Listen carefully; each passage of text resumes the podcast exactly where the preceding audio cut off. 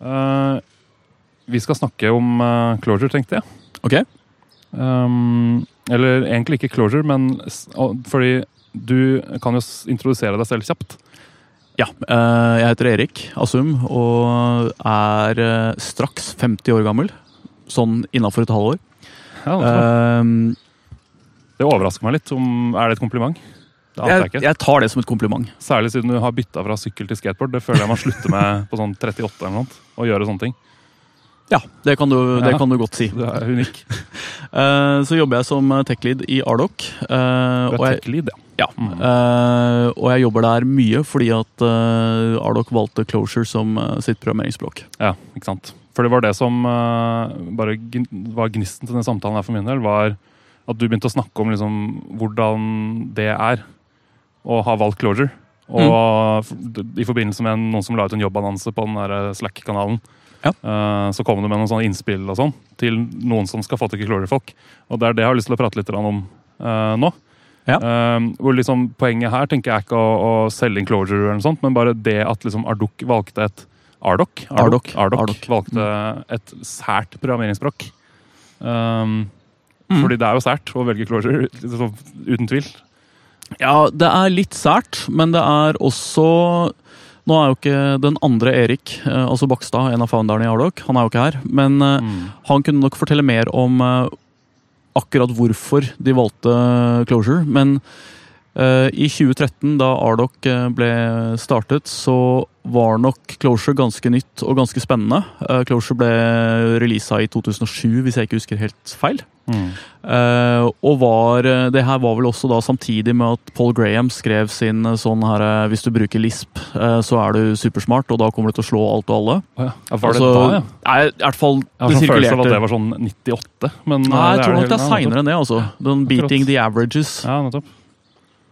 Og Ja, for Argumentet hans var at uh, det var så stor fordel å bruke en lisp Ja. at du kom til å drepe andre businesser ved å velge lisp. Ja.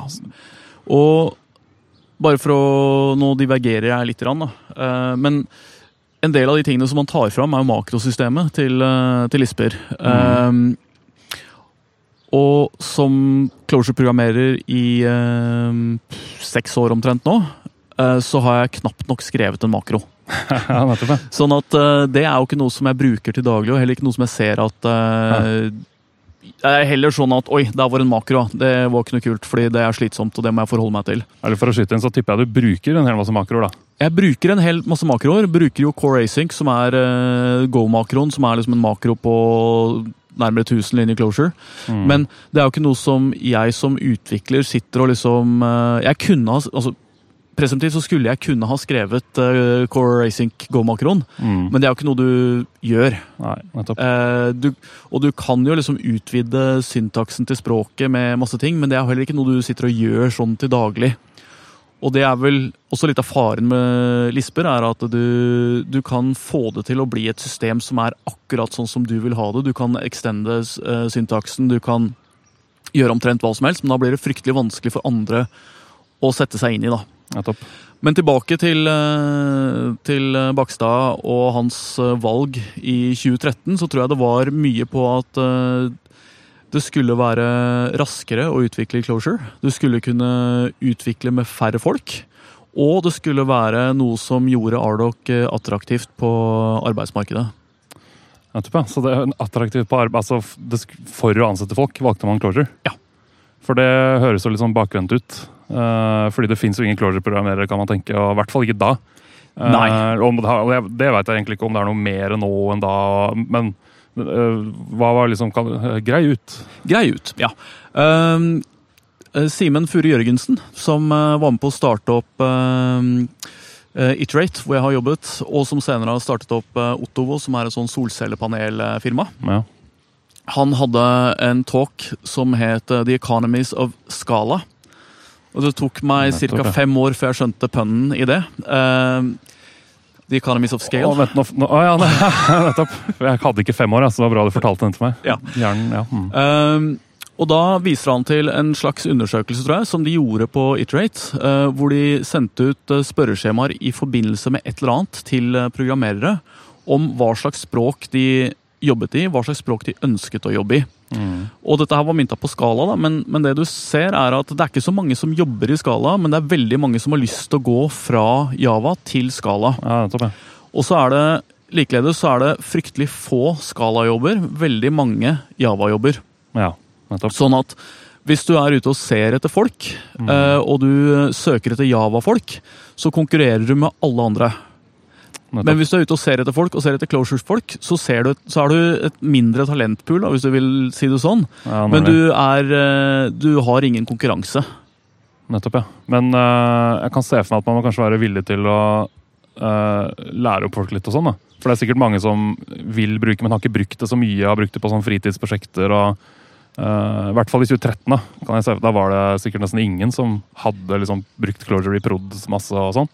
Nei, og det Men, men altså I 2000 og et eller annet, uh, typ 17, 16 eller 17, uh, så ansatte vel uh, Ardoc eh, Da hadde de en stilling ute. Ja. Og da var det eh, Lars Andersen, som er eh, sånn han liker, eller var med på å skrive mye av CLJ Refactor. eh, og jeg, tror jeg, omtrent, som søkte på den jobben. Eh, Var det da de begynte liksom å ansette litt sånn for første gang? eh, Ja. Nettopp. Så det hadde vært Eh, bare Erik og sikkert noen til. Ja, det var noen til, men, Ja. men stort sett Erik da på backenden. Ja. Men da, fant, da fikk de altså to kandidater. Lars jobber der fortsatt. Ja. Og jeg takket nei, men Å ja, du takka nei den da gangen? ja. takket, takket jeg nei. Men da, altså to kandidater. eh, 50% av de tok jobben. ja, nettopp. Og det er ganske annerledes enn når du sitter og lyser ut en eh, Java-stilling hvor du får, til, får liksom inn Kanskje du får inn en haug med søknader, da, hvis du har flaks. Og så er eh, 90% av dem er folk som sender ut søknader til alt mulig rart. Og så er de resterende ti er kanskje også uinteressante. Jeg føler Nå har vi nesten havna i en sånn der, eh, samme type problemstilling som man har hvis man begynner å snakke om statisk og dynamisk. Og du har masse smarte mennesker som bare ikke klarer å bli enige, uansett hvor mye de prøver. For man hører jo så mye at eh, nei, vi må jo velge Java her fordi vi, det må være lett å få tak i folk. Og, altså Man bruker akkurat det samme argumentet, da, bare nøyaktig motsatt. Men det er, eh, jeg tror ikke nødvendigvis det er lettere å få tak i folk. Jeg har eh, prøvd å ansette folk i Java-stillinger også, og da er du liksom Der vil jeg si at, for å si det veldig sleivete der har du flaks hvis det kommer en, kar, en kandidat inn av døra som kan, som liksom kan tilsynelatende programmere. Mm. Mens de folka jeg har uh, hatt gleden av å ansette som kode closure, det er oppegående folk. Det er folk som virkelig vil kode closure. Så Ja. de eh, Så det er et lite filter bare der, liksom. det er et filter bare der. De er mer gira, liksom. Ja, for jeg har hørt at uh, Kanskje dette er en sånn USA-ting, men at uh, jeg tror han Jeff Atwood som sa et eller annet om at uh, du må ta en programmeringstest på intervjuet. For det kommer til å søke folk som bare ikke kan å programmere. Ja, det Jeg vet ikke om det skjer som i Norge, da. Nå har ikke jeg vært i noen sånn HR-ansett-situasjon noen gang, egentlig. Men Eh, eh, Vi kjører, og jeg har stort sett kjørt programmeringstester. Så dere gjør det sånn på seg selv også. Det er ikke, ja, nettopp, man må jo sikkert gjøre det, da. Så det er et lite filter med closure, men uh... Ja, det, så måten vi gjør det på Yardok, er at uh, vi har en stilling ute, og så sender folk inn CV og greier.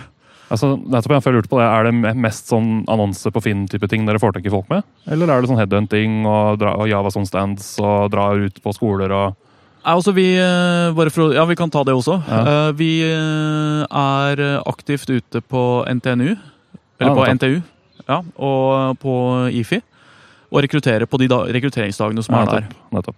Eh, og der treffer vi mye folk som er super oppegående Ja. og supergira. Ja, nettopp. Eh, Både da til closure og til, eh, til frontend som er javascript. Ja.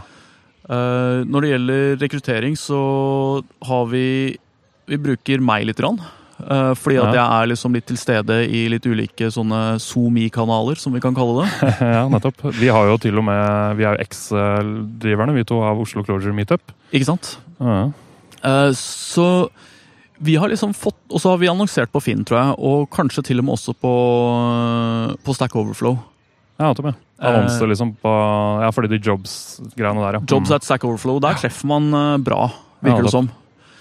Eh, Men vi, altså, folk som vi har fått, da, de er, eh, de er oppegående. De, eh, det er liksom, vi har en på vei inn nå. Han uh, har jeg kontakt med på, på Slack på Closurians. Ja. Og han er liksom hva kan, hva kan jeg gjøre for å forberede meg til jobben når jeg begynner i september? Såpass, ja. Han er sulten. Sulten, rett og slett. Mm. Og han, liksom, han gleder seg stort til å begynne å programmere Closurian. Han, Ja, han programmerte Closure en stund, og så fikk han en ny jobb hvor han ikke programmerte Closure, og så er det tilbake på det kjøret. ja, nemlig. Ja. Ja. det kan jeg kjenne, kjenne litt igjen i det. Man blir jo gira av closure, liksom. Ja. Uh, vi har jo noen sånne som har gått uh, konsulentoppdrag, da, for jeg jobber jo i konsulentselskap, eh, som har gått fra closure-oppdrag til ikke-closure-oppdrag, og da er det villig til å gjøre mye rart. Pendling og timespriser og sånn, for å Man blir fleksibel Ja, for å få lov til å skrive det, litt closure. jeg kjenner jo også det som Det er jo en enorm lock-in der jeg er nå, da. At Mm. uh, jeg klarer jo ikke å se for meg Jeg klarer ikke å se for meg at jeg frivillig går til å jobbe i Java igjen. Ja, det er litt interessant. Så det er jo Man får sånn sett håpe, eller kanskje ikke håpe, at closure forblir litt sånn esoterisk. da, Sånn at det ikke Det, vil ville vært bra for Ardoc, kanskje, kan man si. I hvert fall hvis eh, ikke alle bare forsvant til neste store closure-startup. Ja, og det er jo litt sånn igjen at hvis du, hvis du er en Java-sjappe, så har du jo eh, Da må du ha et eller annet annet som du tilbyr, da, som gjør at folk blir. ikke sant? Om det er lønn, eller eh, om du har forferdelig interessante arbeidsoppgaver, eller om du har disse firmahyttene på Så det du sier er at man har ikke lønn i Ardoc. Det er andre som Eh, tilbyr lønn. Det er bare closure man tilbyr. Det er altså. bare Closure man Ja, okay, tilbyr der. Mm. Ja. Skjønner. Jeg kan jo nevne da at jeg har et huslån og tre barn og en bil og noe greier, så det, er, det er noe lønn inn i bildet der Ja, også. jeg skjønner. Det er sikkert lurt, det. Nemlig. Men er det noe åssen Så det er mye Så dere tar inn mye studenter og sånn? eh, Eller en viss andel, i hvert fall, og lærer de opp og Ja. De har ikke vært i arbeid, Det er liksom første arbeidsplass, eh, nesten? Det er mye sånn, eh, til forskjell fra da jeg var ung, så er det mye sånn intern-greier. Og sommerjobbing og sånt. Akkurat. Ja, for det, har jeg, det er også litt sånn fremmed for meg. Ja, så vi, eh, vi tar liksom eh, Vi har sånn sommerjobbprosjekter som, ja. som vi opplyser om via visse kanaler som ikke jeg helt har styr på. Ja. Og så ramler det inn da, også, gjør de en sånn eh, oppgave på sommeren. Det er En jo relativt, kjempebra måte å eh, lære hvor flinke de er på, ser jeg for meg. Ja. Og så får de da de som, de som oppfører seg, får da tilbud om jobb. nettopp. Ja, det er såpass, ja. For dere trenger mye folk og sånn. Det er ikke sånn eh, Det er alltid greit å fylle på. Ja, ikke sant? Ja, og og det er er- sikkert ikke mange nok kandidater og sånn, kanskje, til at det er sånn dere må si nei til ti flinke closure-programmerere hele tida. Nei, vi tar jo ikke inn eh, flere sommerjobbere enn det vi liksom ser for oss at vi kan eh, få bruk for Nei, ikke sant? siden. Nå lurer jeg på en ting. Ja. Uh, uh, fordi Så dere tar både inn folk som ikke har programmert så mye før? Annet enn at de har gått på skole og Mm. kanskje har en master eller en bachelor. eller noe Så de har jo vært eksponert for programmeringsspråk, men de har ikke programmert på jobb så veldig mye. Nei. Men dere har sikkert også tatt inn folk som kanskje har eh, vært senior fra før. Eh, deg, da, for eksempel. Ja. Eh, Du lærte deg Clojure for seks år siden. Og dere har Ja. kanskje ansatt noen flere sånne som kunne noe annet fra før, og som måtte lære seg. Ja.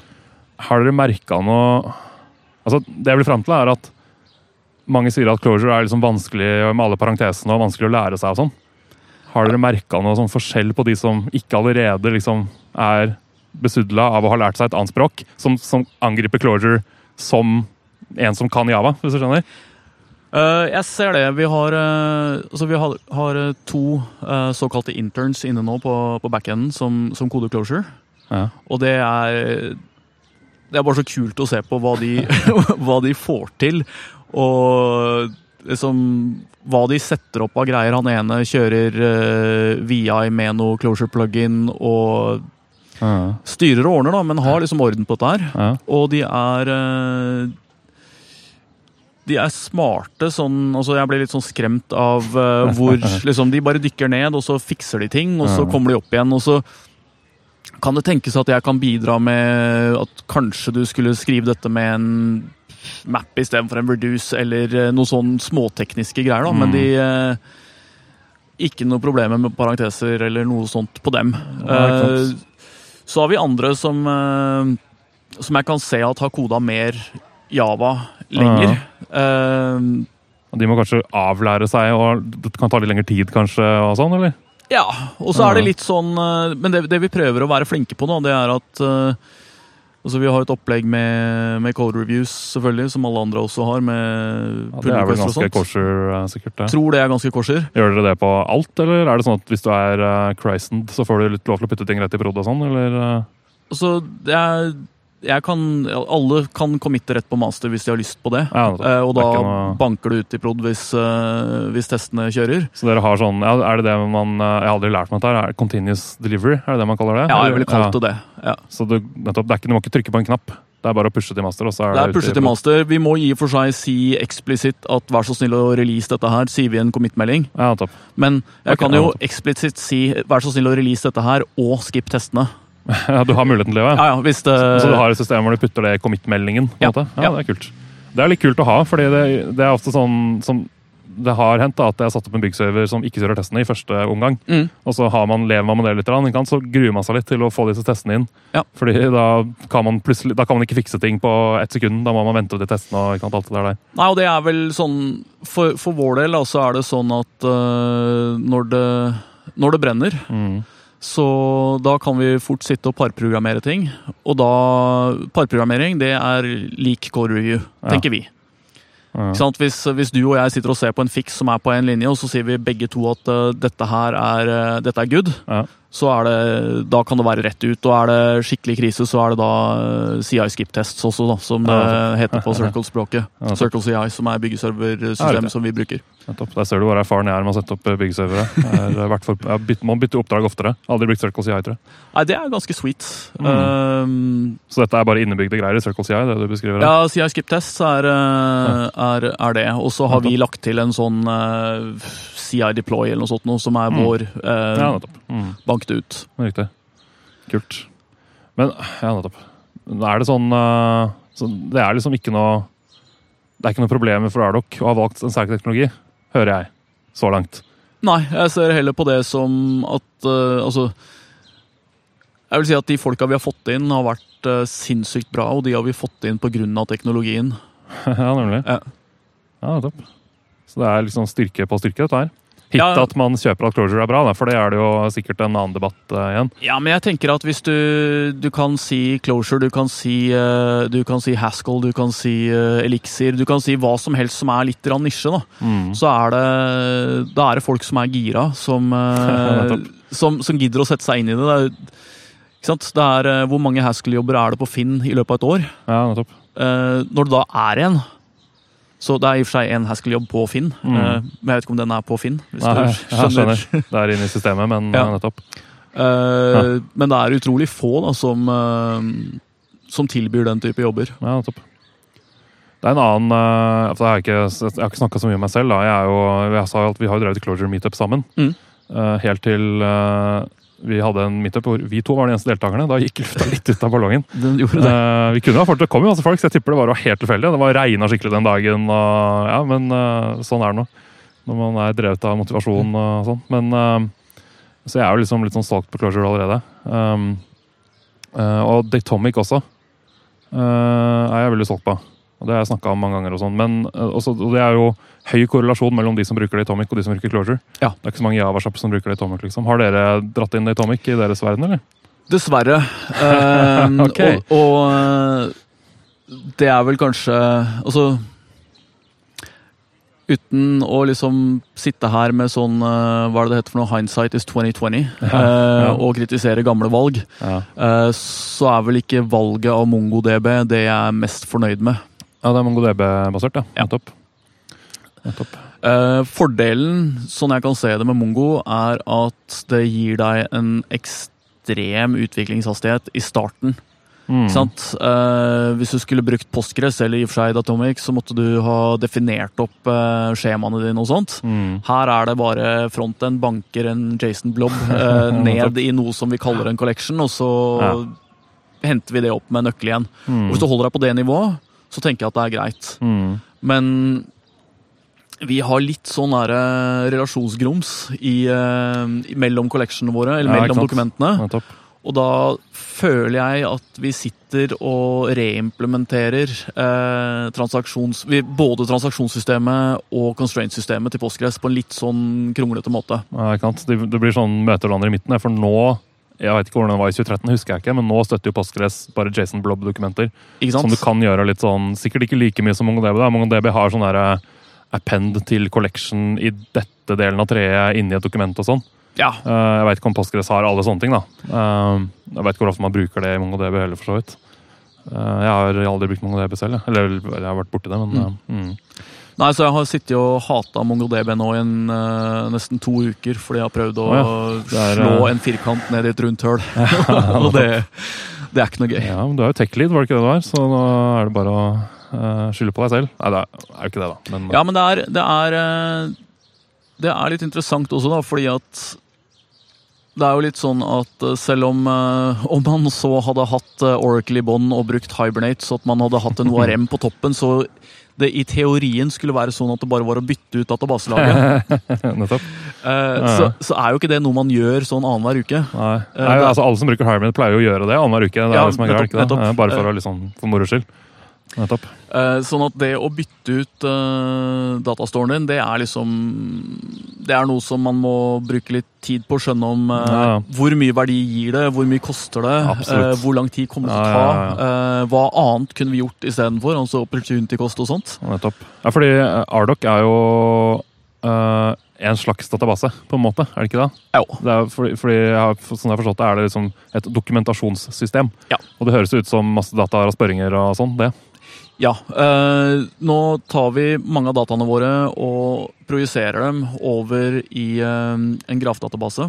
Aha, nettopp. Eh, og så har vi et spørrespråk på toppen der som heter Gremlin, som gjør at du kan gjøre grafspørringer mot dataene dine, og det Mm. gir liksom litt mer mening. nettopp. Men eh, dataene har liksom Altså, i sin enkelhet da, så er det noder og kanter som er kobla sammen. Mm. Eh, og det er, det er liksom litt relasjonsaktig. Ja, det, Eh, og litt grafaktig. jo Ja. Dette har jeg dumma meg på ut før, da. Fordi jeg spurte noe greier på Twitter om relasjonsdatabaser. Uh, og tenke på en relasjon som bare en peker til en annen ting. Men relasjon, det er vel liksom relasjonell algebra er vel det man mener med relasjonsdatabaser. Jeg tenker det. Og her Ja. stopper min kunnskap litt, da, som eh, selvlært utvikler. Ja. Um, jeg blir aldri eksponert for disse greiene her. Men det gir jo mening, det. For en grafdatabase er jo ikke en relasjonsdatabase. Selv om det er relasjoner der. Selv om det er relasjoner. Mm. Det er relasjoner og relasjoner, liksom. Mm. Men har dere eh, er det, forresten, er det noe remote hos dere, eller er det bare alle på kontoret? Eh, akkurat nå så er det jo veldig få på kontoret. Så, ja. Det er jo, vi tar jo opp dette i eh, covid-19-tider. Ja, men vi er, eh, vi er stort sett Vi er Oslo-baserte. Mm. Vi har interns på, um, på, i Trondheim som sitter på Gründerbrakka. Ja. Eh, Gründerbrakka var kult. eh. Ja. Nå fikk jeg lyst til å si det med sånn parodisk trønderaksent, men jeg skal la være, fordi det er sikkert litt offensive for de som Og så har vi etter hvert fått oss litt sånn produkteiere rundt omkring. Ja, nettopp, ja. Altså litt sånn type selgerprodukt mener du? eller? Nei, altså folk Nei. som driver og finner ut av hva vi skal lage. ja. Så vi har en i. USA og en eh, i eh, Jeg er litt usikker på min østeuropeiske geografi der, Ja. men eh, borti der. Ja, nettopp. Eh, og så har vi en utvikler som sitter i Polen. Ja, Mm. nettopp. Så det er litt sånn litt spredt, men, Ja, men mest vi er, Oslo. eh, vi er liksom eh, Ifølge sånn distribuert arbeid så er vi jo mer sånn satellittaktig Mm. enn det vi er uh, skikkelig distribuert. Men Er det, den utvikleren i Polen uh, kom den utvikleren inn fordi uh, man sleit med å liksom få tak i Clojure-folk, og det var eneste muligheten, eller hvordan? Nei, vi sleit med å få tak i javascript-folk. Ja, det var javascript. Oh, ja. Ja. Wow! Planla du den disponeringen der? Dette var Nei, veldig bra, Erik. Det må jeg si. Ja, nettopp. For du sleit å få tak i javascript-folk, ja. Ja. ja. fordi, eh, Det er full disclosure, da. Vi, er jo, vi kjenner hverandre fra før, vi, Erik. Mm. Uh, og den andre Erik, som dessverre måtte ta en raincheck i dag. Uh, det er to Eriker, Bakstad og Assum. Uh, jeg har også sagt nei til å jobbe i Arctic en gang, nemlig. Fordi jeg var jo en av få closure-folk, så de, de har jo prøvd å ansette folk lenge, de. Konsulentbransjen, vet du. Det er golden handcuff, kaller jeg det. Nettopp. Det sitter, sitter så godt i det, vet du. Eh, nei, men så jeg, har, jeg er jo litt sånn kjent med tekken litt og sånn, på grunn av det. Mm. Jeg husker uh, en ting, jeg, jeg, jeg klarte ikke å skjønne hva Ardok var.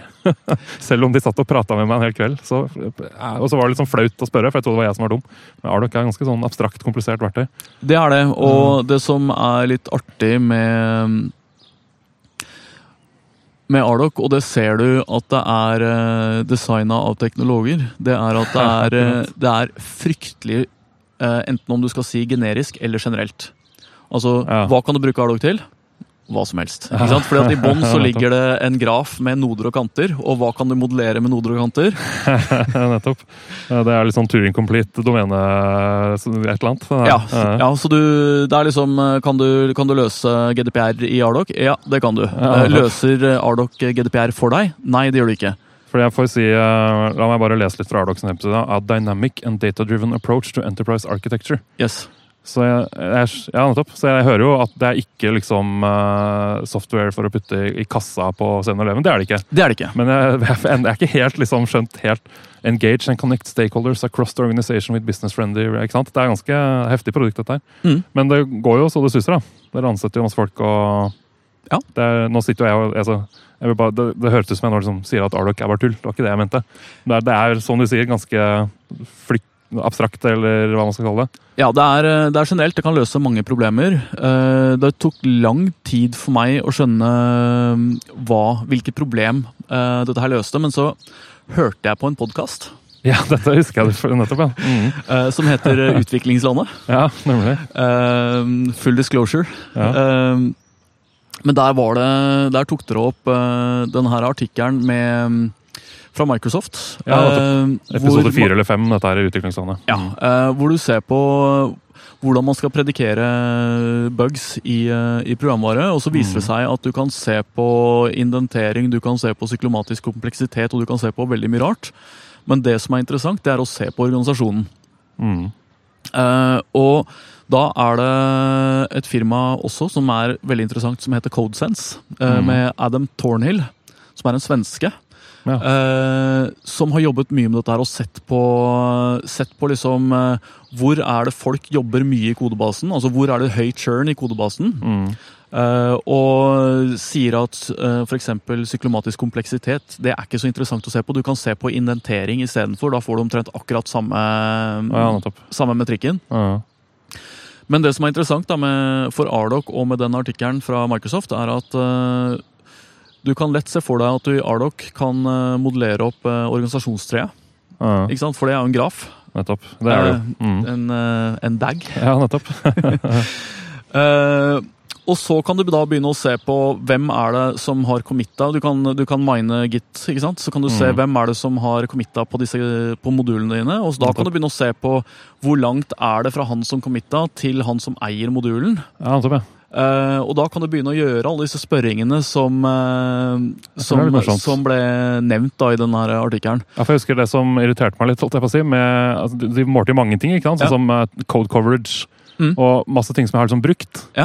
Men denne organisasjonskompleksitetsmetrikken, som da viser seg å være det som har mest å si da, for bugs, Ja. det er jo ikke et produkt som fins. Men det du sier med at det er et produkt som fins. Ja, Altså, det, det- er jo noe man kunne brukt Ardoc til. For å brukt. få det der tallet på at denne modulen her kommer til å få bugs fordi det er tre deler. ikke sant? Nettopp. Og videre, da, Ja, det som eh, På bakgrunn av det så begynte vi begynte med noe som heter eh, Application Portfolio Management. Mm. eh, som er eh, en sånn greie hvor du lager en magisk kvadrant, selvfølgelig. Eh, og så har du eh, disse applikasjonene her sånn. De skal vi kaste. Ja. Disse skal vi eh, forfine. Disse her er en risiko. Mm. Og ja, en til. Mm. Så kan du begynne å tenke deg at uh, hvis du tar de metrikkene som Microsoft sier at vi ikke skal bruke, da, psykolomatisk kompleksitet og litt avhengighet og testdekning og sånt, så kan du begynne Hvis du ser på kodebasen din, da, Mm. så kan du begynne å se på hvilken del av kodebasen er det du som er viktig. Og hva er det som er viktig? Jo, den understøtter applikasjoner som understøtter kapabiliteter som genererer penger. ikke sant? ja, nettopp. Eh, Så hvis du har den mappingen da, fra eh, Hvis du tenker deg en, eh, et namespace i Clojure eh, til en funksjonalitet i appen din Mm. som understøtter webshoppen din som genererer masse penger, så ser du at det her er et sted vi må investere. Ja, ikke sant. Eh, Men da må du ha de koblingene ut fra kildekoden og til eh, kapabilitetene i firmaet. Nettopp. Eh, og der kommer grafen, ikke sant? Og så kan, kan du legge ulike attributter på både på kanter og på noder. Sånn at du kan si at eh, ja, en attributt på webshoppen din er at den er superviktig, eller et eller annet. Og så Mm. kan du si at den kodebasen her nede den har jo null testdekning. Ja. Så kan du stille spørsmålet Den har null Ja, testdekning, og så har du bare én utvikler som driver og knoter på det. Mm. Eh, og da kan du regne ut risiko på, på, eh, på webshopen din. ikke sant? ja. Du kan finne sånn, eh, hva er det, sånn, bus factor, er ikke det man kaller det? Hvis det er en person bare som har noe veldig viktig. Ja, og det det var en greie som Det var en kar fra Telenor som fortalte om det. At, eh, på et foredrag eh, At de hadde liksom én utvikler som satt og knota på et eller annet som genererte liksom eh, millionvis av eh, penger Ja, i income. Ja. Og så deploya han litt skeivt. Ja. Og så var det nede et par dager. Ja, nettopp. Nettopp. Og det er, sånn, det er risiko som folk høyt oppe har lyst til å vite om. da. Ja, ikke sant. Det er jo fint å kartlegge sånne ting før, før det smeller, liksom. Ja. Mm. Og du ser det også ja, hvis, mer eh, hvis, folk, hvis du ser at folk sier opp, så er det greit å vite hvilke systemer er det de faktisk driver og knoter med. Ja, ikke sant. Og det kan du ha i et Excel-ark, men du kan også mine eh, GitHub-repositoryet Ja, ditt. nettopp. Så dette er nok et forsøk på å få ting ut av Excel-ark, dette her. Ja. For det er det mange som vil. Ja. Excel- det er jo, jeg husker en ting jeg gjorde for NSB, var akkurat det. Ja. Alternativ transportplanlegging skjedde i Excel-ark og mail. Ja, ikke Så vi skulle få et ordentlig system på det, sånn at vi kunne ha godt strukturerte data som spredte informasjon på gode måter og kunne brukes av andre. ikke sant? Alt Ja. sånt. Og et eksempel fra Telenor Digital. Jeg jobbet der en stund eh, fordi de hadde closure. Eh, ja, nettopp. Og en av de tingene som skjedde der akkurat da jeg sluttet, var at eh, eh, sikkerhetsavdelingen eh, de begynte å sette, stille krav til at eh, infrastrukturen i AWS skulle dokumenteres. Hvem er det som har tilgang hvor? Hvilke porter er det som er åpne? Ah. Og la, la, la. ikke sant? Ja, det er jo sånn vi hater. Skrive det der, ja. ja. nettopp. Eh, Det gjør man én gang, og så blir det utdatert også. ikke sant? Nettopp. Mm. Så bare for å da plugge Ardoc igjen, og så har Ja. vi eh, en connector til AWS, så vi kan dra ut de dataene. Og så kan du få det tegna opp eh, og se, se hvilke, hva som er åpent og hva som går og, og sånne ting. nettopp. Så da, for det, dokumentasjon som sådan er utrolig uinteressant å skrive. Og som du Er sier, det er utdatert det øyeblikket det er skrevet ned. Og som utvikler, jeg kan ikke stole på det. Hvis jeg skal debugge noe, så kan ikke jeg gå og lese dokumentasjon. Dokumentasjon kjører jo ikke, ikke sant? Nettopp. Så du må ha du må ha systemer hvor du henter dokumentasjon ut av eh, livesystemene dine, og så kan du Mm. generere opp eh, og aggregere på bakgrunn av det. da. Så det høres ut som Closure kan brukes til ordentlige ting.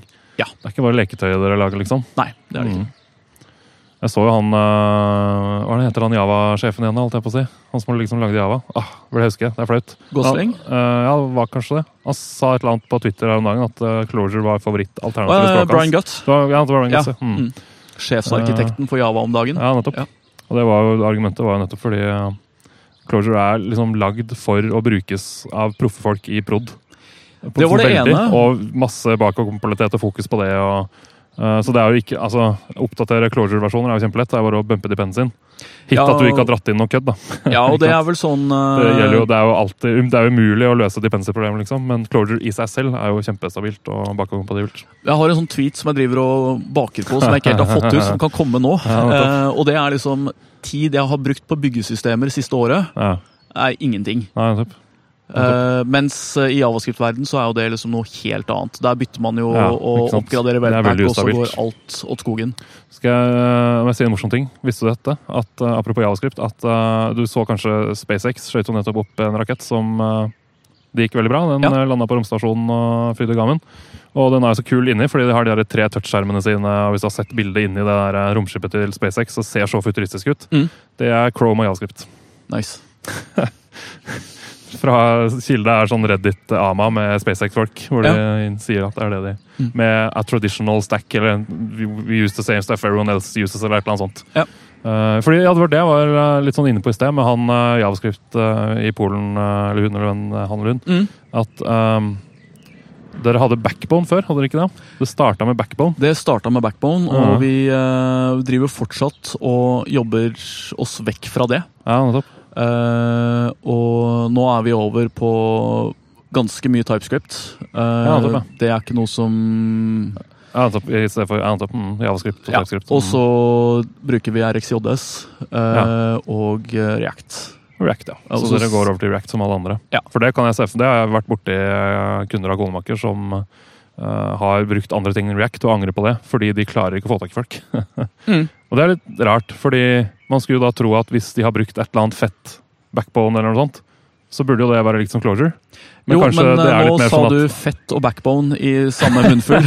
ja, for Javascript har kanskje litt mer det problemet at ting kommer og går litt. Ja. Så backbone har ikke så mange entusiaster som sitter og liksom gleder seg til neste backbone- backbone-utdrag ut på Finn. og Nei, altså jeg tenker litt sånn at uh, Nå har ikke jeg noe stor javascript-erfaring, men Mm. Nei, for du er, du, du er ikke så mye på frontend. eh. Er du tech-lead bare for closure-biten, eller for hele jeg er tech-lead bare for, uh, for, for closure-biten. Ja, nettopp. Mm. nettopp. Uh, men jeg klarer ikke å forholde meg til javascript, egentlig. Mm. Jeg har kodet en del i javascript, men ikke mye. Ja, ok.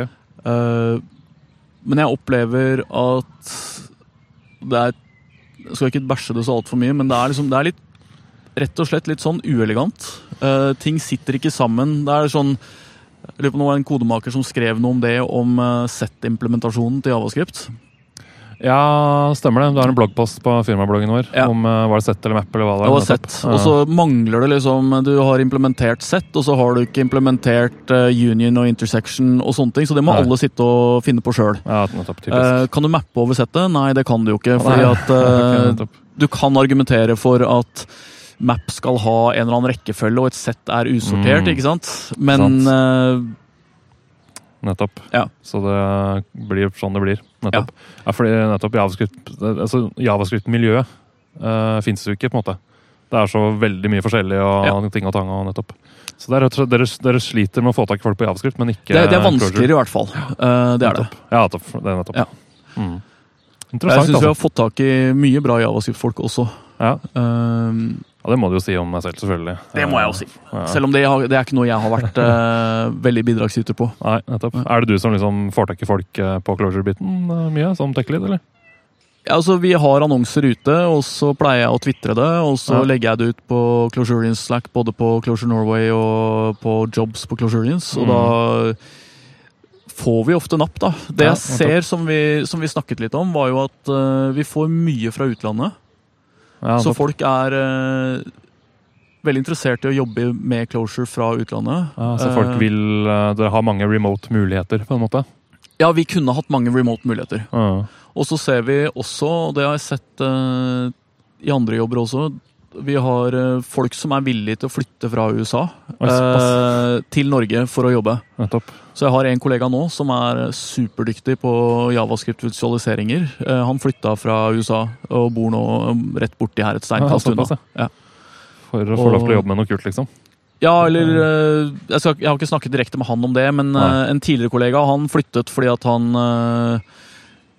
skjønte at et land der han måtte velge mellom Trump og Clinton, det var liksom ikke et land han hadde lyst til å bo i. Nei, ikke sant? Det var Så- flere grunner. Så han sitter nå Søkte politisk asyl i Ardok. Ja, nei, han, han, Det var på Telenor Digital, og han jobber Ja, på. Kolonial nå. Eh, så han sitter der og koser seg. Ja, det er det. Mm. Mm. Men har dere noen gang tenkt på liksom eh, Nå veit jeg ikke hvordan arkitekturen deres er, da, men en ting som man driver med nå, er jo å være litt sånn eh, Jeg hater den setningen som er 'du må velge det rette verktøyet for den rette jobben'. Ja. For det er ingen som sier at de ikke gjør det. Mm, liksom. Det er liksom ikke noe som kan det, det, det påvirker ikke hvordan du tar avgjørelser. At du sier at du må ta de rett, bruke det rette verktøyet for den rette jobben. Nei. For det kan du alltid si. Uh, men den greia da med at man liksom kanskje starter med noe litt, og så splitter man det opp, og så har man flere tjenester. Så finner man at hm, den tjenesten her er jo kanskje bra å ha i Node fordi, fordi eller at man har flere språk på backen. Har dere noe sånt eh, i verden deres? Eh, vi har eh, ting som er av backend-karakter, som er i Javascript, ja. Ja. Det er litt med hvem det er som har utviklet det. ja og litt med Det er vel kanskje bare tilfeldig i forhold til hvor kritisk det er. Mm, ja, nettopp. Uten at jeg skal si at det som er gjort i Javascript, er mindre kritisk. Men eh, det har ikke liksom vært sånn Det har vært mer Conways law enn det har vært noe annet. Ja. Eh, de som har styra med det, har Mm. vært eh, mer gira på Javascript. Og så har det i og for seg Hvis jeg ikke husker helt feil, så er noe av det implementert som uh, lambda-funksjoner i AWS. Ja, og da sant. funker Closure dårligere. JVM-en generelt har jo mm. Og, jo- Nei, faktisk Closures også, fordi den har jo startup time i tillegg til JVM-en. Ja, Mm. Så da måtte vi ha gjort det i Closure Script, Ja, eventuelt. nettopp. Har dere noe Closure script? Ja. Dere har det ja. Ja, Vi har eh, en kar som sitter på og gjør Excel-importeren vår. Ja, Frontenden det på den, den er Så dere har en arkitektur som låner seg til litt sånn oppstykking og sånn, da, skjønner jeg. Man kan jo alltid Ja, altså eh, Frontenden er eh, Det er liksom én sånn hovedkladeis på eh, rundt 180 000 linjer javascript og typescript. Ja, Eh, og så er det en del sånne småsite- småsiter, kan man kalle det. Småapper rundt omkring. Ja. som integrerer. og det som er litt kult, er at den Excel-importeren den integrerer inn i den store dingsen. Ja. Men den er skrevet i Closure Script, og så blir den bare lasta inn som en MPM-modul. ja eller noe sånt noe. Så den er pakka hyggelig for andre. Ja, og Da Mm. bruker vi Shadow CLJS for å, for å bygge den. da. Ja, Ja. Men har dere noe sånn eh, Fordi jeg er jo litt sånn fullstack. Jeg er Ja. ikke frontend eller backend. Mm. Uh, og mobilapper og litt sånn fullkjør. Uh, så ofte liksom frontend-fokus, da. Men Mm. uh, noen ganger har jeg vært eneste utvikleren og gjør alt og sånn. Uh, og det som jeg ofte gjør hvis jeg, er liksom på front, hvis jeg gjør, gjør noe i frontend, da, Mm. så er det kult å bare kunne gjøre noe på backend også.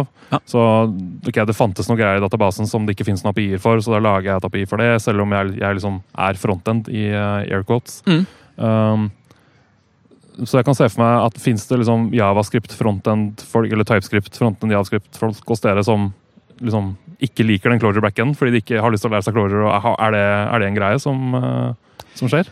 Uh, det er ikke så mange som har sagt akkurat det direkte til meg, Nei. eh, men det kan jo være av høflighet mer enn noe annet. Ja, fordi det er bare litt sånn Men, men det, vi, det vi ser, da, det er at uh, det er uh, flere frontendere som, som tar tak på backenden.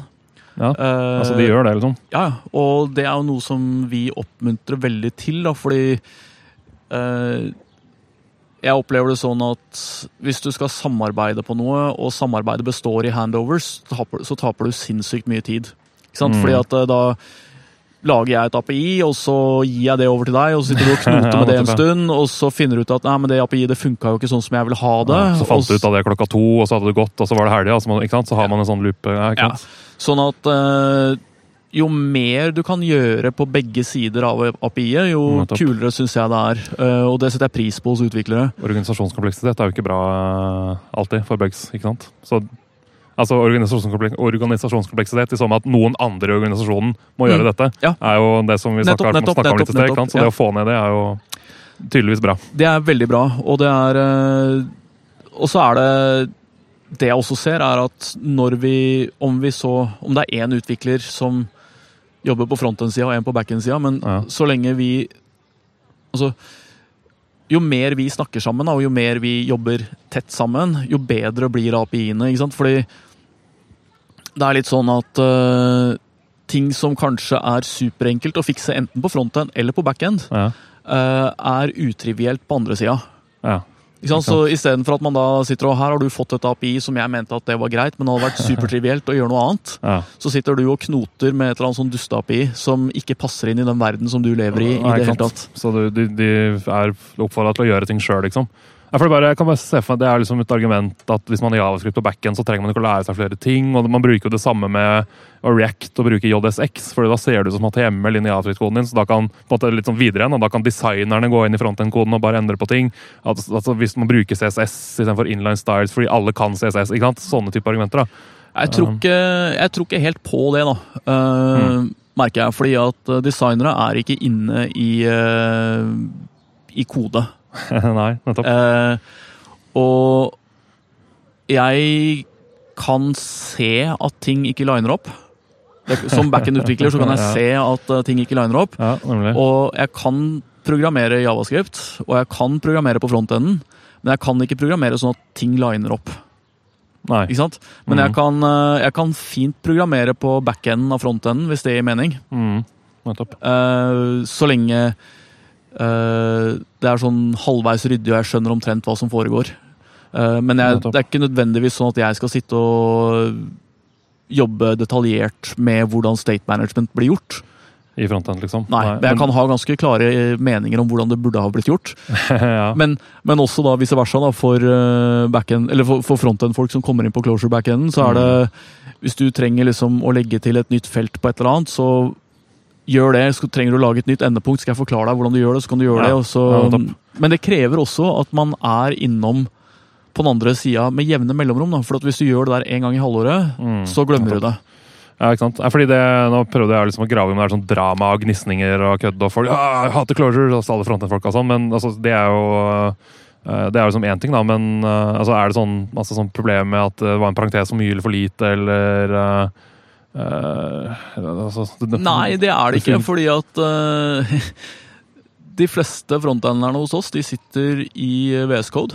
Ja, og da er det Og da lost. er det en Nei, men det er en superbra plugin for closure i VS Code som heter Calva. ja. Uh, Og den da, er fin? Den er superbra. Mm. Og da Da liner parentesene opp Ja. for deg. Det var det jeg mente med lost, at det er sånn Ja. Paradit-aktig. Ja, nettopp. Jeg trodde du- du sa lost. Nei, nettopp. Nei, fordi Paradit er jo da du prøver å trykke backspace, og så skjer det ingenting. Fordi da vil parentesen ikke være balanserte. Så du må gjøre noe annet. Jeg tror ikke så mange av dem kanskje bruker Paradit, men det er også sånn at du trykker åpen parentes, så kommer en lukkeparentes, og så Ja. skjønner du litt hvordan du skal uh, Ja, forholde deg til det. Så det, så det vil si at Javascript-folk som ikke nødvendigvis har noe interesse i å lære seg closure, får det også til. Ja, ja, er du gæren. Og det ligner jo Hvis du, hvis du myser litt, da, så er jo moderne javascript det er, eh, det er map filter reduce. Hele, Ja, hele greia. Altså Tankegangen er ikke så forskjellig, på en måte. Redux. Nettopp. Du har state og du det er en flyt reducer, og ikke React er jo en funksjon og ja, så, så hele den tankegangen der er jo akkurat det samme, ikke sant? Mm. Det du kanskje det du mangler, er persistente datastrukturer. Altså datastrukturer som du ikke kan endre på. Ja, det er uvant. da. Men det er klart, hvis du jobber i Redux, så er jo le- le- regelen her er at du skal du må gjøre sånne her eh, dype kopier av alt. da. Ja. Men du skal, du skal jo Det er jo i praksis altså En persistent datastruktur eh, er jo to ting. ikke sant? Fordi hvis du gjør altså Redux er en persistent datastruktur. Mm. Fordi den der structural sharinga som Clojure gjør, er bare én måte å gjøre det på. ikke sant? Ja. Så Redux er jo faktisk også en persistent datastruktur. Så tankegangen er jo faktisk ganske lik. Ja, og hvis du ser på øh, det som vi bruker, da, som er XJS, så er det liksom det, det kommer ting inn, og så Eller altså, det, det emittes ting, og så reduserer man over det. Ja, uh. Så, Så da, er det, da går det greit, liksom. Så det er Ja, ja. litt sånn syntaksgnister og sånn, kanskje, men det, går, så det, det funker, altså. det funker. Ja. Eh, men så er det liksom Så er det et annet domene. ikke sant? Nettopp. Eh, og det mm. er jo det, er det jeg sier med at uh, jeg kan kode backenden av frontenden, men å få, få tre diver til å line opp, det er jo helt umulig. Ja, nettopp. For det krever jo uh, Det krever noe helt annet. nettopp. CSS er ikke det samme som uh, nettopp. Nei, og det er jo også noe med det å ha en visuell forståelse. Ja. Nettopp. så liksom Fullstack og fullstack jeg, jeg tror du er ganske unicorn hvis du er liksom like god på å sitte og optimalisere SQL-spørringer som det du er på å få um... Jeg ser hva du mener med den. ass. Det er ikke, ja, nettopp. Fordi jeg, er, jeg kjenner noen som er andre veien nå. Som er sinnssykt flinke til å få ting til å se fint ut, Ja. og gjøre litt backend. Ja. Men de er, litt sånn, de er like flinke på backend som jeg er på å line opp eh, og få det til å se fint ut. hvis du skjønner. Ikke sant? Fordi hvis jeg, altså, hvis jeg skal designe en frontend, så blir det jo color red og bare ikke noe, ikke noe er fint. da. Jeg klarer ikke å gjøre det fint. Nei. Ikke snakk om. Så sånn er jeg ikke så full stack. Ni- 80 stack, da, eller et eller annet sånt. Ja. kan man kanskje si. Så ja. Jeg bla gjennom notatene mine her. Det. Er det noe jeg har lyst til å spørre deg om? Ja, vi har vært gjennom mye. Jeg syns det var gøy å høre om. Jeg. Mm. Kult. Eh, remote, ja, har vi snakka om.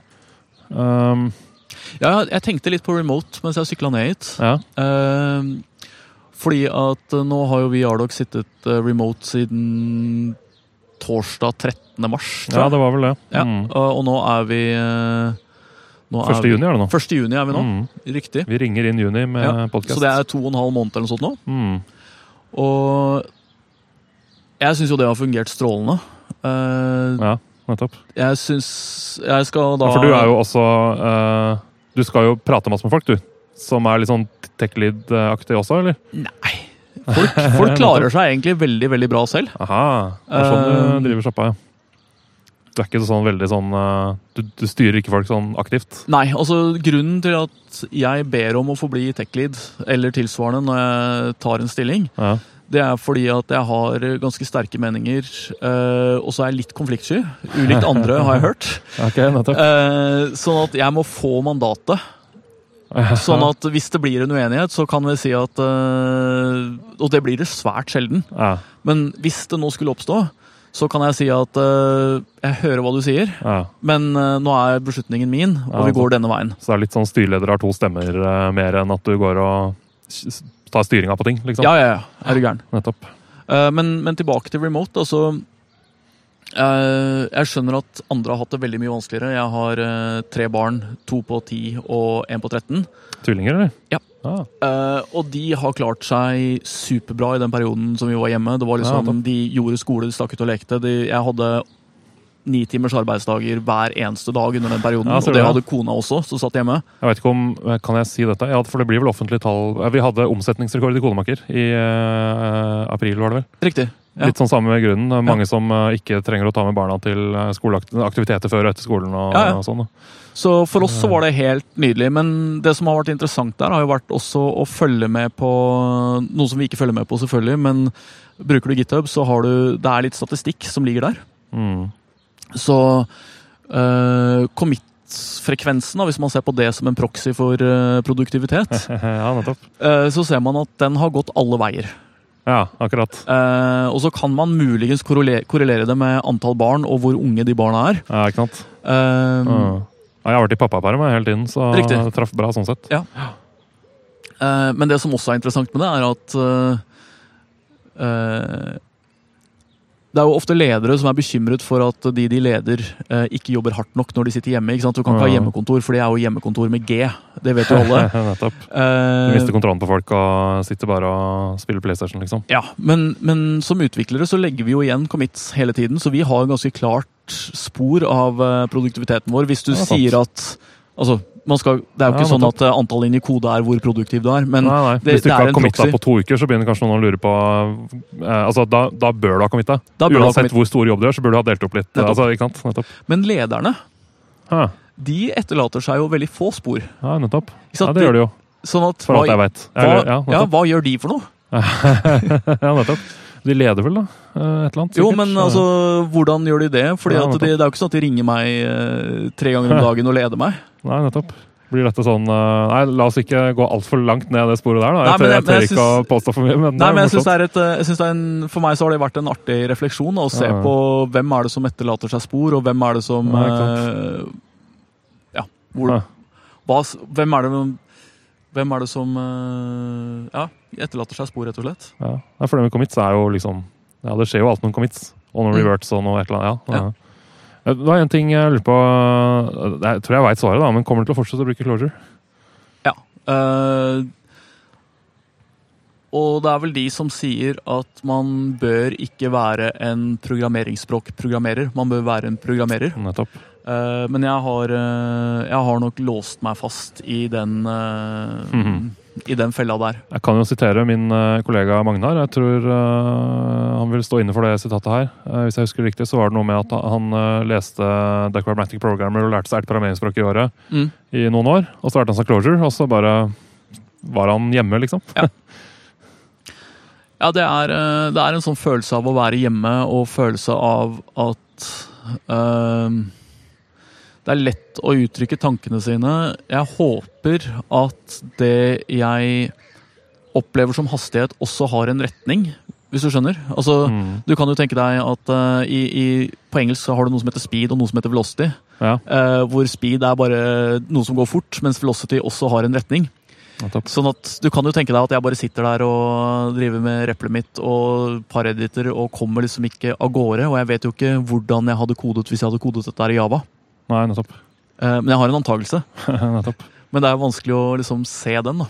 Jeg føler en ting, en ting som jeg føler jeg kan si helt sikkert, da, er at uh, Altså, fordi Som jeg sa innledningsvis, så er ikke poenget mitt nå at liksom closure uh, altså jeg, skal, jeg vil ikke få fram at closure er det alle burde velge. Det er ikke det som Nei, tror det poenget mitt. Nei, det, det er som du sier, jeg tror ikke det faktisk er lurt heller.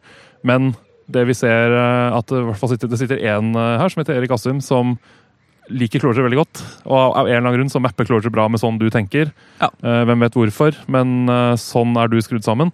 Og det finnes sikkert flere som er skrudd sammen sånn. Mm. Så uh, hvis man velger en teknologi som er tilstrekkelig lite sær, for closure er jo ikke sært nok til at det er ikke bare du som liker closure. Nei. Det fins folk rundt omkring som har Ja, lyst til å velge sånn... denne sære teknologien her. Uh, muligvis liksom Kobol ja, jeg skal ikke si det, er sikkert noen som har lyst til å ha til Kobol-jobb, liksom. Men Closure er måte lite sært nok til at det fins folk som er bare super passionate og villige til å flytte til Norge og, og i det hele tatt for å, for å liksom få lov til å bruke Closure på jobb. Ja. Uh, så da er det på en måte ikke Det er ikke så sært at det er et problem for selskapet. da. Nei, på ingen måte. Og så tror jeg at eh, Man liker jo å si når man koder closure at man kanskje klarer seg med en tiendedel av eh, antall linjer kode som det man ville gjort i Java. I hvert Mm. fall i gammel pre-Java 8-Java. Og så tror jeg også at man klarer seg med mindre teams. Nettopp. Eh, sånn at du trenger ikke å ha så fryktelig mange av disse closure-programmererne heller. Nei, nettopp. Eh, Dette er, for dette er litt sånn Dette er et sånn spennende tema som jeg har lyst til å gå sånn videre på. Men jeg vet ikke hvem jeg skal snakke med da. Men om det stemmer eller ikke. og jeg ser for meg Hvis vi hadde hatt, hatt en skalaprogrammerer her, så ville du kanskje fått et motargument. eller Kanskje. to, ikke sant? Ja. Så det, dette, er, dette syns jeg er veldig spennende. Vi Mm. får eh, la det være tema for en fremtidig episode eller paneldebatt. eller noe sånt. Ja, og bare for å sånn Ting som jeg undrer meg over, da, bare for å dra, dra ting videre litt, Ja. da, det er jo disse prosjektene hvor man liksom eh, har så sinnssykt mye penger som man skulle brukt opp, da. Ja. Sånne, Sånne, det er noen sånne offentlige helseprosjekter som er litt i vinden for tida, sånn, med Ja. milliarder av mm. Og så er jo jeg litt naiv, kanskje, men jeg tenker at uh, hvis jeg får en god lønn, så skal jeg jobbe ganske lenge, eller det skal være ganske mange av meg da, som jobber en stund for å klare å bruke opp så mye penger. Jeg tror vi regna på at det prosjektet, helse-IT-prosjektet, nå husker jeg ikke hva det heter lenger, men det der 13 milliarder eller hva det er for noe, som, Mm. det er jo ikke utviklingspenger bare det, da, men av utviklingsbudsjettet der, så tror jeg alle i kodemarkedet, 25 utviklere, må jobbe i 400 år. Ja. For å Og da skal du Jeg tenker at eh, du har jo eh, Jeg vet ikke om du fortsatt har det, men du har jo hatt et eh, Twitter-handle som har vært krødd. Uh, Ja, det står jeg nettopp. Mm. Stemmer. Uh, og. Veldig mye av det jeg gjør, er jo crud på Mm. en eller annen form. Um, og så tenker jeg at liksom, å bruke det, det er jo mye som er det, da. Og så skjønner jeg ikke helt liksom, hva det utenfor det igjen er. Altså hva er det du skal gjøre som er så sinnssykt vanskelig i disse ja, så, sånn sett, ja. Nettopp. Ja, for Det er jo å snakke ned seg selv litt, men det er jo en sannhet da, at det er mye data inn i databaser og valideringer av data. Og, ja. Ja, Altså, det er ikke eh, rocket science for å liksom, det ikke, Vi har Nei, nettopp. Altså, hva er det de skal gjøre? Som, det, er så, det er klart det er, det er litt sånn skummelt da, å putte meninger inn i andres hoder. og sånn, For jeg så noen sånn uh, Silje Jeg husker ikke hva hun heter. Hans Hun er fra Bergen, tror jeg. Hadde en veldig kul talk om dette her. Med, og hun sa jo ting om helse-IT som jeg ikke hadde tenkt på før. da. mm, mm. Så det er klart det er jo sikkert ting vi ikke har tenkt på, da. Ja. Men likevel, det er store summer uh, det er snakk om her. Men jeg tror også det er at, eh, og det ser du jo på det som de prøver å jobbe med i Nav også, at eh, det er sånn at du får penger en gang hvert jubelår. Så da må Mm. du sørge for at eh, da får du så mye penger at du får gjort alt det du skulle gjort mellom hvert jubelår. Ja, Uh, og det Klassiske budsjettingen, dette her. Ja, så det, det å liksom Og nå skal du få et prosjekt som du skal implementere masse ting på. Det tror jeg er en dårlig løsning. Og så tror jeg Ja, at eh, altså, det å ha ha en sterk IT-avdeling i de offentlige etatene, det, det bare må man ha, rett og slett. Og Ja. man må huske på at jeg hadde en lyntale om det for noen år siden på JavaZone, om at jeg tror den het eh, 'Konsulenteriet må dø'. Ingen no offence. Jeg tror, ja, nettopp. Det mener vel ikke menneskene, håper jeg da. Eh, nei. Men, nei. Men det her med at man liksom uh, hyrer inn hundrevis av konsulenter som sitter der og implementerer noe, og så tror man at prosjektet er ferdig, og så kan konsulentene ja, gå. Men Nav styres av Stortinget og hvilke lover og greier som blir vedtatt der, så det er, Mm. det er kontinuerlig utvikling hele tida. Så da må du ha folk som sitter på plass, og som, eh, som kan Nav, og som Mm. kan programmere. Mm. Ellers så blir det bare kaos. Topp. Dette var en grei måte å slutte på, for nå husker jeg ikke hvor, eh, hvordan vi endte her, eller eh, sånn, men jeg, jeg nikker og er enig. Ja, konsulentene i deg gjør det. Ja, man må jo, jeg må jo innrømme at jeg liker jo best å ikke være en midlertidig ansatt, men å faktisk liksom, når noen trenger en liten boost i et halvt år. Ja, men Det det, er det er jo, det er jo nettopp det som er forskjellen på å være et vikarbyrå og det på å være en ekspert. Ja, Ikke ikke. Og altfor mye av det som skjer i det offentlige, har vært å bruke vikarbyråer istedenfor å få ansatte. Nettopp. Men dere ansetter, som bare det. Vi Ingen ansetter. konsulenter uh, ennå, eller? eh? Nei, dere er jo så fryktelig dyre.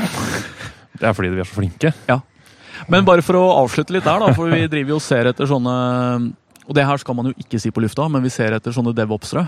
Oh, ja, ok, nettopp. Ikke sant? Ja. Det har vel dere også skrevet eh, en, eh, en blogg om. Ja, Kristian også har skrevet en fin bloggpost om det. Mm. Ja, for du, du kan få lov til å plugge litt her, hvis det er det du har på, Apple. Det, Ja, altså, men, men de er vanskelig å få tak i.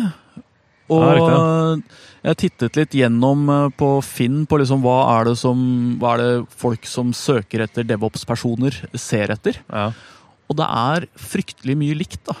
ja Ikke sant? Sånn at eh, ja, vi holder på med AWS eller Asher. Eh, vi, vi skal ut i clouden, liksom. Ja, og Har en monolitt, kanskje, som må Ja, det har ikke vært så mye av det, men så alle driver liksom på med det samme, da, så det er vanskelig å differensiere seg. Ja, sånn, ja. Nettopp.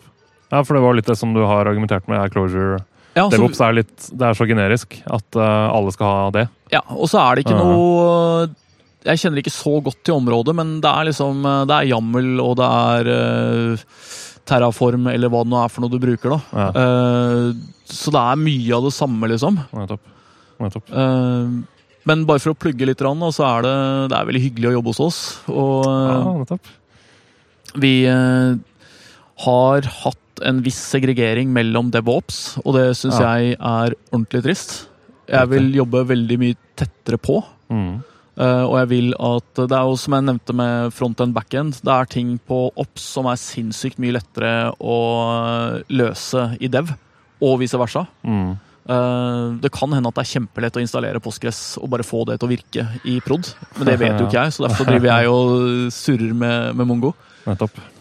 Ja, men Bra. Det, sjekk shownotes i podkasten, så putter jeg litt linker til Ymse hvis du har noe av det. Det har jeg. Uh, og så takker jeg hjertelig for besøk, eh, Erik Assum i Ardok. Ja, Veldig hyggelig å få lov til å sitte her og bable på en uh, veldig varm og deilig sommerkveld. Ja, Det er en sånn tropenatt på gang her. Vi Ja. sitter vel på Grünerløkka. Vi sitter i en barnehage, faktisk. Det gjør vi. Mm. Mm. ja, men uh, takk for det. Så Veit ikke hvordan man avslutter en podkast, merker jeg. Men eh, det er vel omtrent sånn som dette man gjør det. sikkert. Jeg tror det. Ja, Skål! Skål. Ha det.